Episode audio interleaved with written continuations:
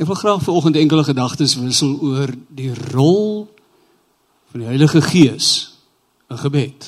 Sal onthou dat die Heilige Gees die tema is waaroor ons op die oomblik gesels. Ek dink ons stem saam. Gebed is die hart van ons verhouding met God. As 'n mens getroud is, gesprek is die hart van 'n mens se verhouding met jou lewensmaat. As jy nie praat, jou hart oopmaak nie, dan verstar so 'n verhouding. En daarom verdien dit dalk aandag dat ons so nou en dan maar oor ons gebedslewe besin. En ek hoop ons kan vanmôre dalk by mekaar leer.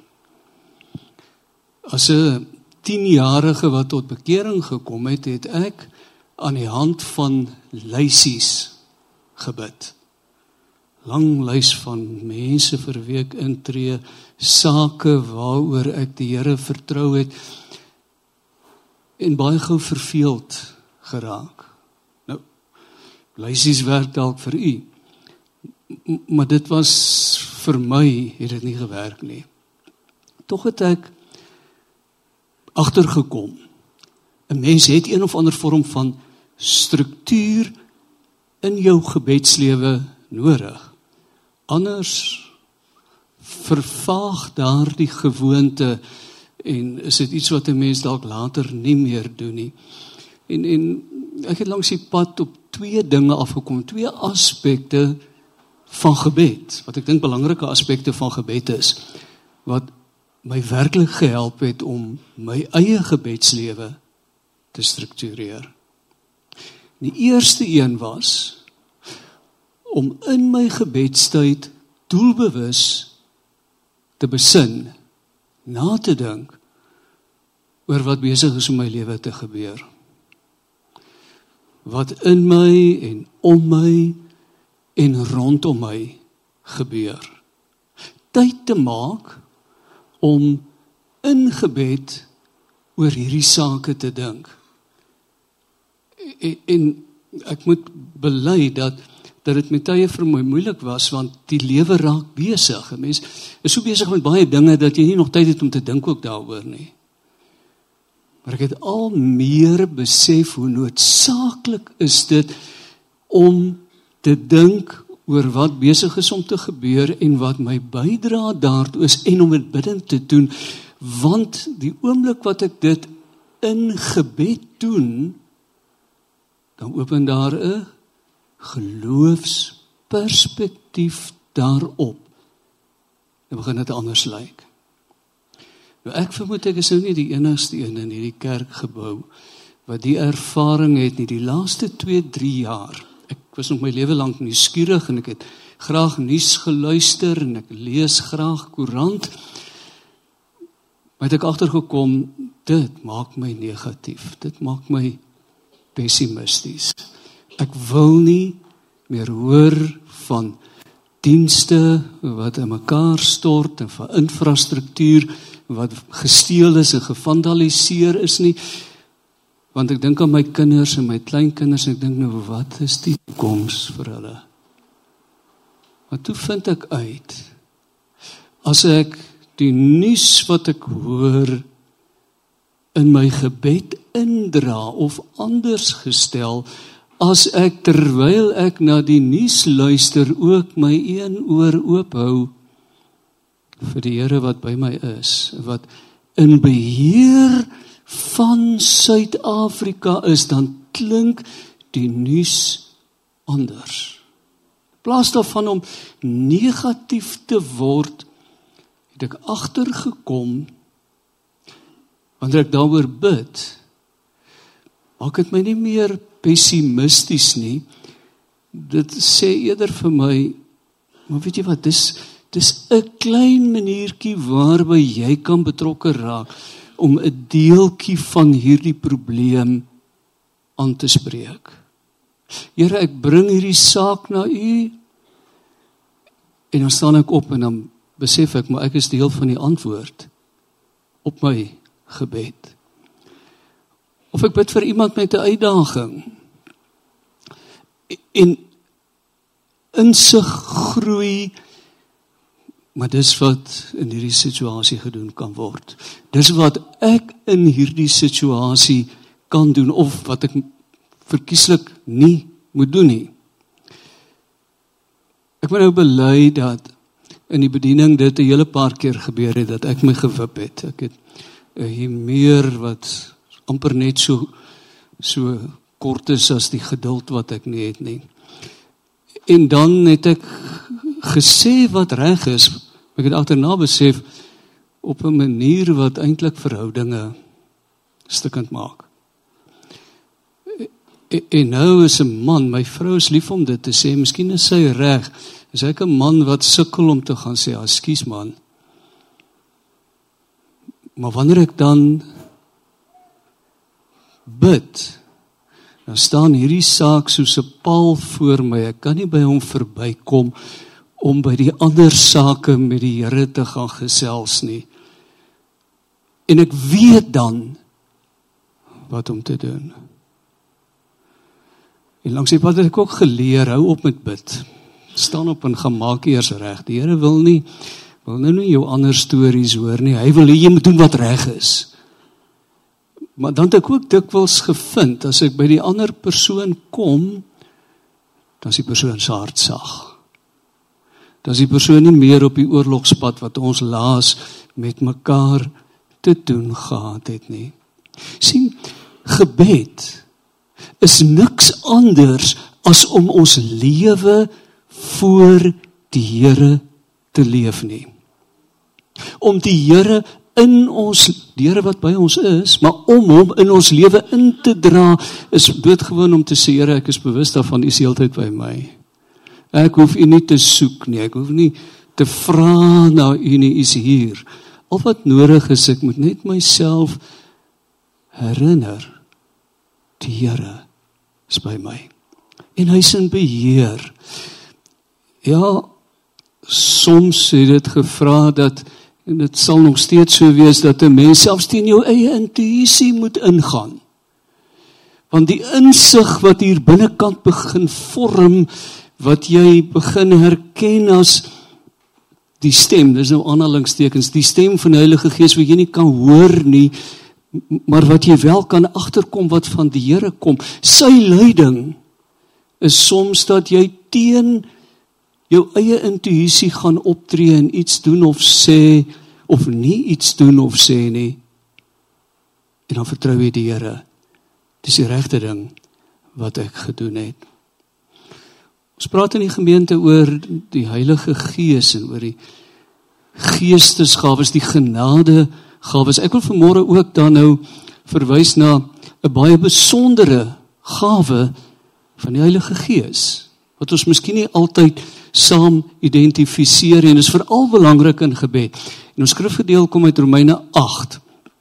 As as jy om jy op die bord wil volg Romeine 8, daar sê die Gees van God, baie bekende gedeelte, help ons ook nog boonop in ons onbeholpenheid. Ons weet immers nie mooi wat en hoe ons moet bid nie. Eintlik staan daar hoe en waarvoor ons moet bid nie, maar die Gees self neem ons gebed behoeftes voor God op. Partykeer weet 'n mens waarvoor om te bid. Maar niks gebeur nie. Jy kry nie antwoord nie. Waar's die Here? En dan as dit lank genoeg aanhou, dan kom jy dalk op die plek waar jy, jy sê, Here, ek weet wat ek wil hê. Wat wil U hê? Wat wil U hê? Dan gebeur daar iets. Dan vat jy uit. Gebed is nie noodwendig om te vra nie, dis om te luister. Dis om vir die Here te sê wat ek wil hê hy moet doen nie. Dis om te vra, Here, hier is hierdie saak. Wat wil U hê moet ek doen? Hoe wil U hê moet ek na hierdie saak kyk? Of hierdie situasie behandel? Nou luister mooi wat sê Romeine 8. Die Gees self neem ons gebedsbehoeftes voor God op met versigtings wat nie in menslike taal verwoord kan word nie. Ja, soms raak 'n mens se woorde op. As jou moeilikheid groot genoeg raak, dan bid jy daaroor en jy weet nie meer wat om te sê nie. As jy gedoop is met die Heilige Gees en die wonderlike gawe van tale ontvang het, gebruik jy dalk tale. Ek het meer menigmal ervaar as ek oor 'n saak in tale bid, dan groei daardie insig. Dis wat die Here wil hê ek moet doen. En die God wat die dieptes van elke hart grond weet wat die Gees in die oog het. En hier is die belangrike woorde dat hy in harmonie met God se wil vir die gelowiges intree. Sien hoekom het ons die Heilige Gees nodig? Want ons die gawe nodig dat die Heilige Gees namens ons bid, want hy vat ons gebed en hy gaan verwoord, hy herverwoord dit in terme van God se wil Belangrik is dat ons lank genoeg aanhou bid tot ons iets snap van wat God se wil is. Sodat die Here nie net ons gebed antwoord nie, maar dat ons die antwoord op ons gebed word. Dat hy in harmonie met God se wil vir die gelowiges intree. Ons weet dan die baie bekende vers 28 dat God En dit kan jy net sê wanneer gebed effektief gebeur dat God alles ten goeie laat meewerk vir hulle wat hom liefhet. Vir hulle wat hom liefhet, hulle wat geroep is volgens sy doel vir hulle lewe. Een van die mees sinlose goed wat 'n mens kan ervaar is pyn wat nie ophou nie, wat klop, wat jou naar maak. Is dit nie waar nie? Sinloos. Hoekom moet 'n mens pyn ervaar? Ek het dit na die Here geneem en telke male beleef. Here, U antwoord nie my gebed om pyn weg te neem nie. Maar U maak my bewus daarvan. U weet van my en jy is met my op pad. Alles ten goeie meewerk. Die verdrukking en die verdriet waardeur ons gaan, alles ten goeie meewerk. Eers as jy 'n stuk worsteling in jou gebedslewe deurgemaak het en 'n paar dinge in jou lewe wat jy dalk nie wou nie as die wil van die Here aanvaar kom jy op die plek waar jy sê ek is tevrede. Ek is tevrede met wat die Here my gee. Is tevrede met waar ek is. En dan vind 'n mens ook mettertyd uit as 'n mens hierdie pad loop dat jy dit reg kry om al meer situasies in jou lewe vanuit die geloofsperspektief te bekyk en sy hand daarin te sien en te verstaan wat hy wil hê hoe ek hierdie uitdaging moet hanteer.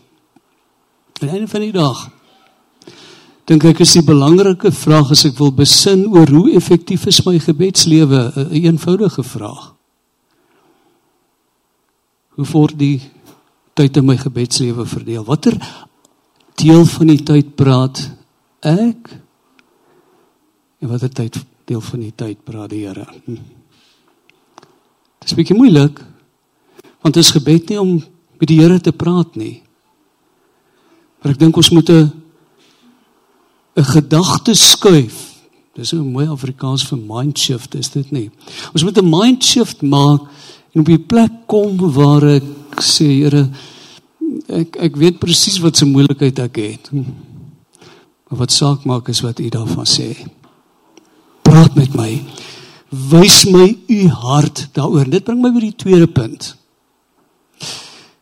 Ek dink ons moet 'n onderskeid maak tussen Bybelstudie. Dit is belangrik. Bybelstudie bestaan daai dat 'n mens intellektueel met die Bybel omgaan, dat jy vra wat is die historiese situasie waarin hierdie gedeelte geskryf is? Ons kan nie 'n teks verstaan soos nie weet wat aanleiding gegee het daartoe dat iemand oor hierdie situasie praat nie. Wat was die verhouding tussen die skrywer en die mense aan wie hy skryf of wat na nou hom luister? Wat is die struktuur van hierdie kommunikasie? Want ons moet maar hierdie aanvoeling al het ons nou nie vreeslik ver gevorder met Afrikaans nie dat taal 'n struktuur het en dat struktuur nodig is om om taal betekenis te gee want ek soek na wat die bedoeling van die skrywer is. En dit is belangrik. Ons moet ook onderskeid maak tussen Bybelstudie en terwyl ek bid om die Bybel oop te maak met die verwagting Here praat met my. En hier's miskien 'n baie belangrike ding wat 'n mens moet onthou. Ons sê hierdie is die woord van die Here. Persoonlik dink ek nie dis reg nie. Ek dink hierdie boek het die potensiaal om die woord van die Here toegepas in 'n individu se lewe en in die konteks van daardie mens se lewe 'n radikale woord van die Here te word mits die Heilige Gees dit lewend maak. Want ek vermoed Mens kan die Bybel lees en lees tot sy bladsye uitval en jy dit ken, maar as jy nie die Here van die Bybel in hierdie boek ontmoet nie, is dit net goed vir jou leesvernuf dat jy baie gelees het. En ek kan Bybelstudie doen. Die wêreld waarin ek leef, die wêreld van teoloë is daar van die manne en vroue wat baie goeie Bybelstudie kan doen en dik en geleerde boeke wat niemand waarskynlik reg kry om te lees nie skryf en hulle glo nie in God nie. Hulle glo nie in God nie. Maar daar's 'n ander mens wat skaars kan lees. Maar as jy wil hoor van 'n mens wat God se hart ken en verstaan, moet jy by daardie persoon se voete gaan sit. Dis 'n mens wat die Here ken. En ek praat van daardie omgang met die woord waar ek sê Here, ek ek kan dit lees, maar ek weet nie wat dit beteken nie. As U dit nie lewend maak, as dit nie gebeur in my lewe nie. En hier is die tweede struk manier wat ek my gebedslewe uitstekend kan struktureer. Dra die Bybel in. Jesegiel 3 vertel die roeping van die profeet. Kom ons kyk gou-gou daarna. Jesegiel 3 vers 1. Die stem sê toe vir my mensekind: Eet wat ek jou gee. Eet hierdie boek en gaan dan en gee hierdie boodskap vir die volk Israel. Ek het toe my mond oop gemaak. Hy het my die boek laat eet. Eet dit alles, eet jou versadig daaraan sê hy en toe ek dit eet het dit so soet soos heuning geproe. 'n Gedeelte wat 'n mens 'n paar ander plekke ook kry. Um, Jeremia hoor dieselfde Jeremia 15 vers 16 sê ek het elke woord ingeneem. U woorde het my bly gemaak.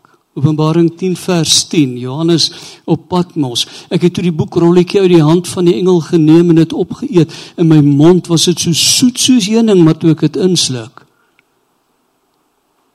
was dit bitter in my maag.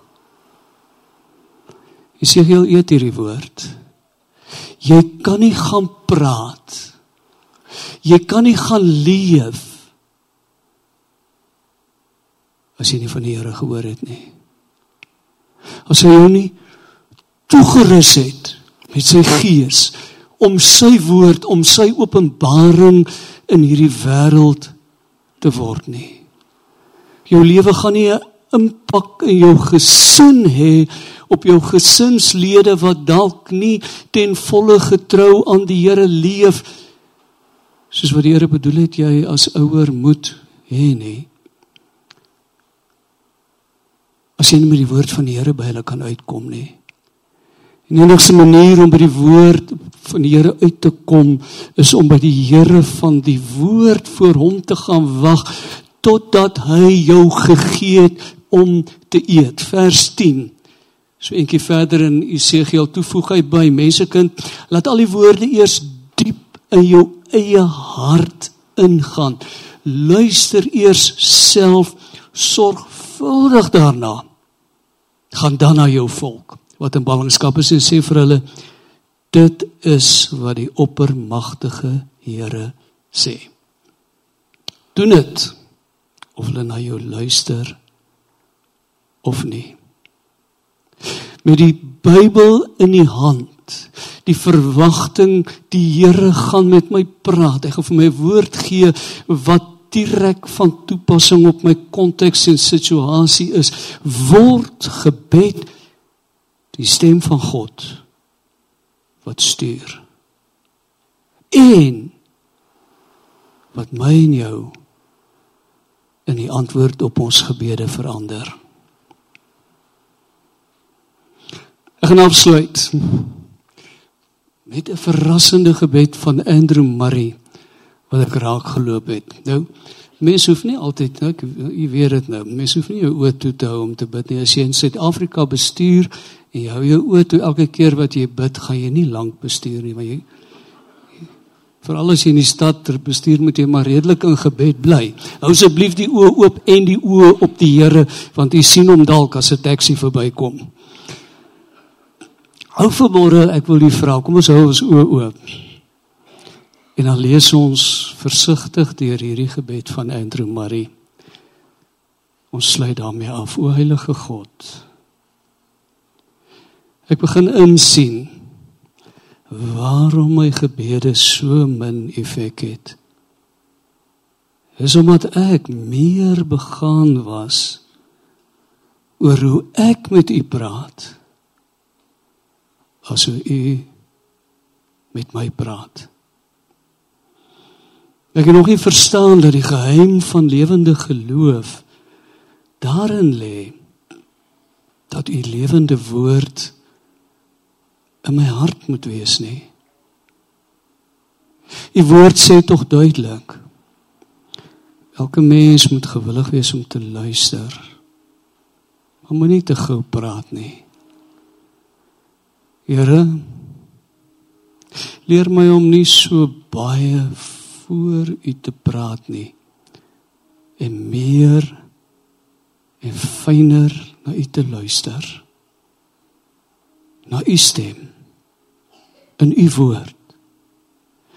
Leer my dat dit net is wanneer u woord deel word van my lewe dat ek volgens u wil sal bid. Leer my dat slegs wanneer u woord 'n lewende krag in my is, die werk wat ek vir u doen lewende krag na buite sal dra. Here, ek begin begryp dat wat u met u mond gespreek het, u hand sal doen. Amen.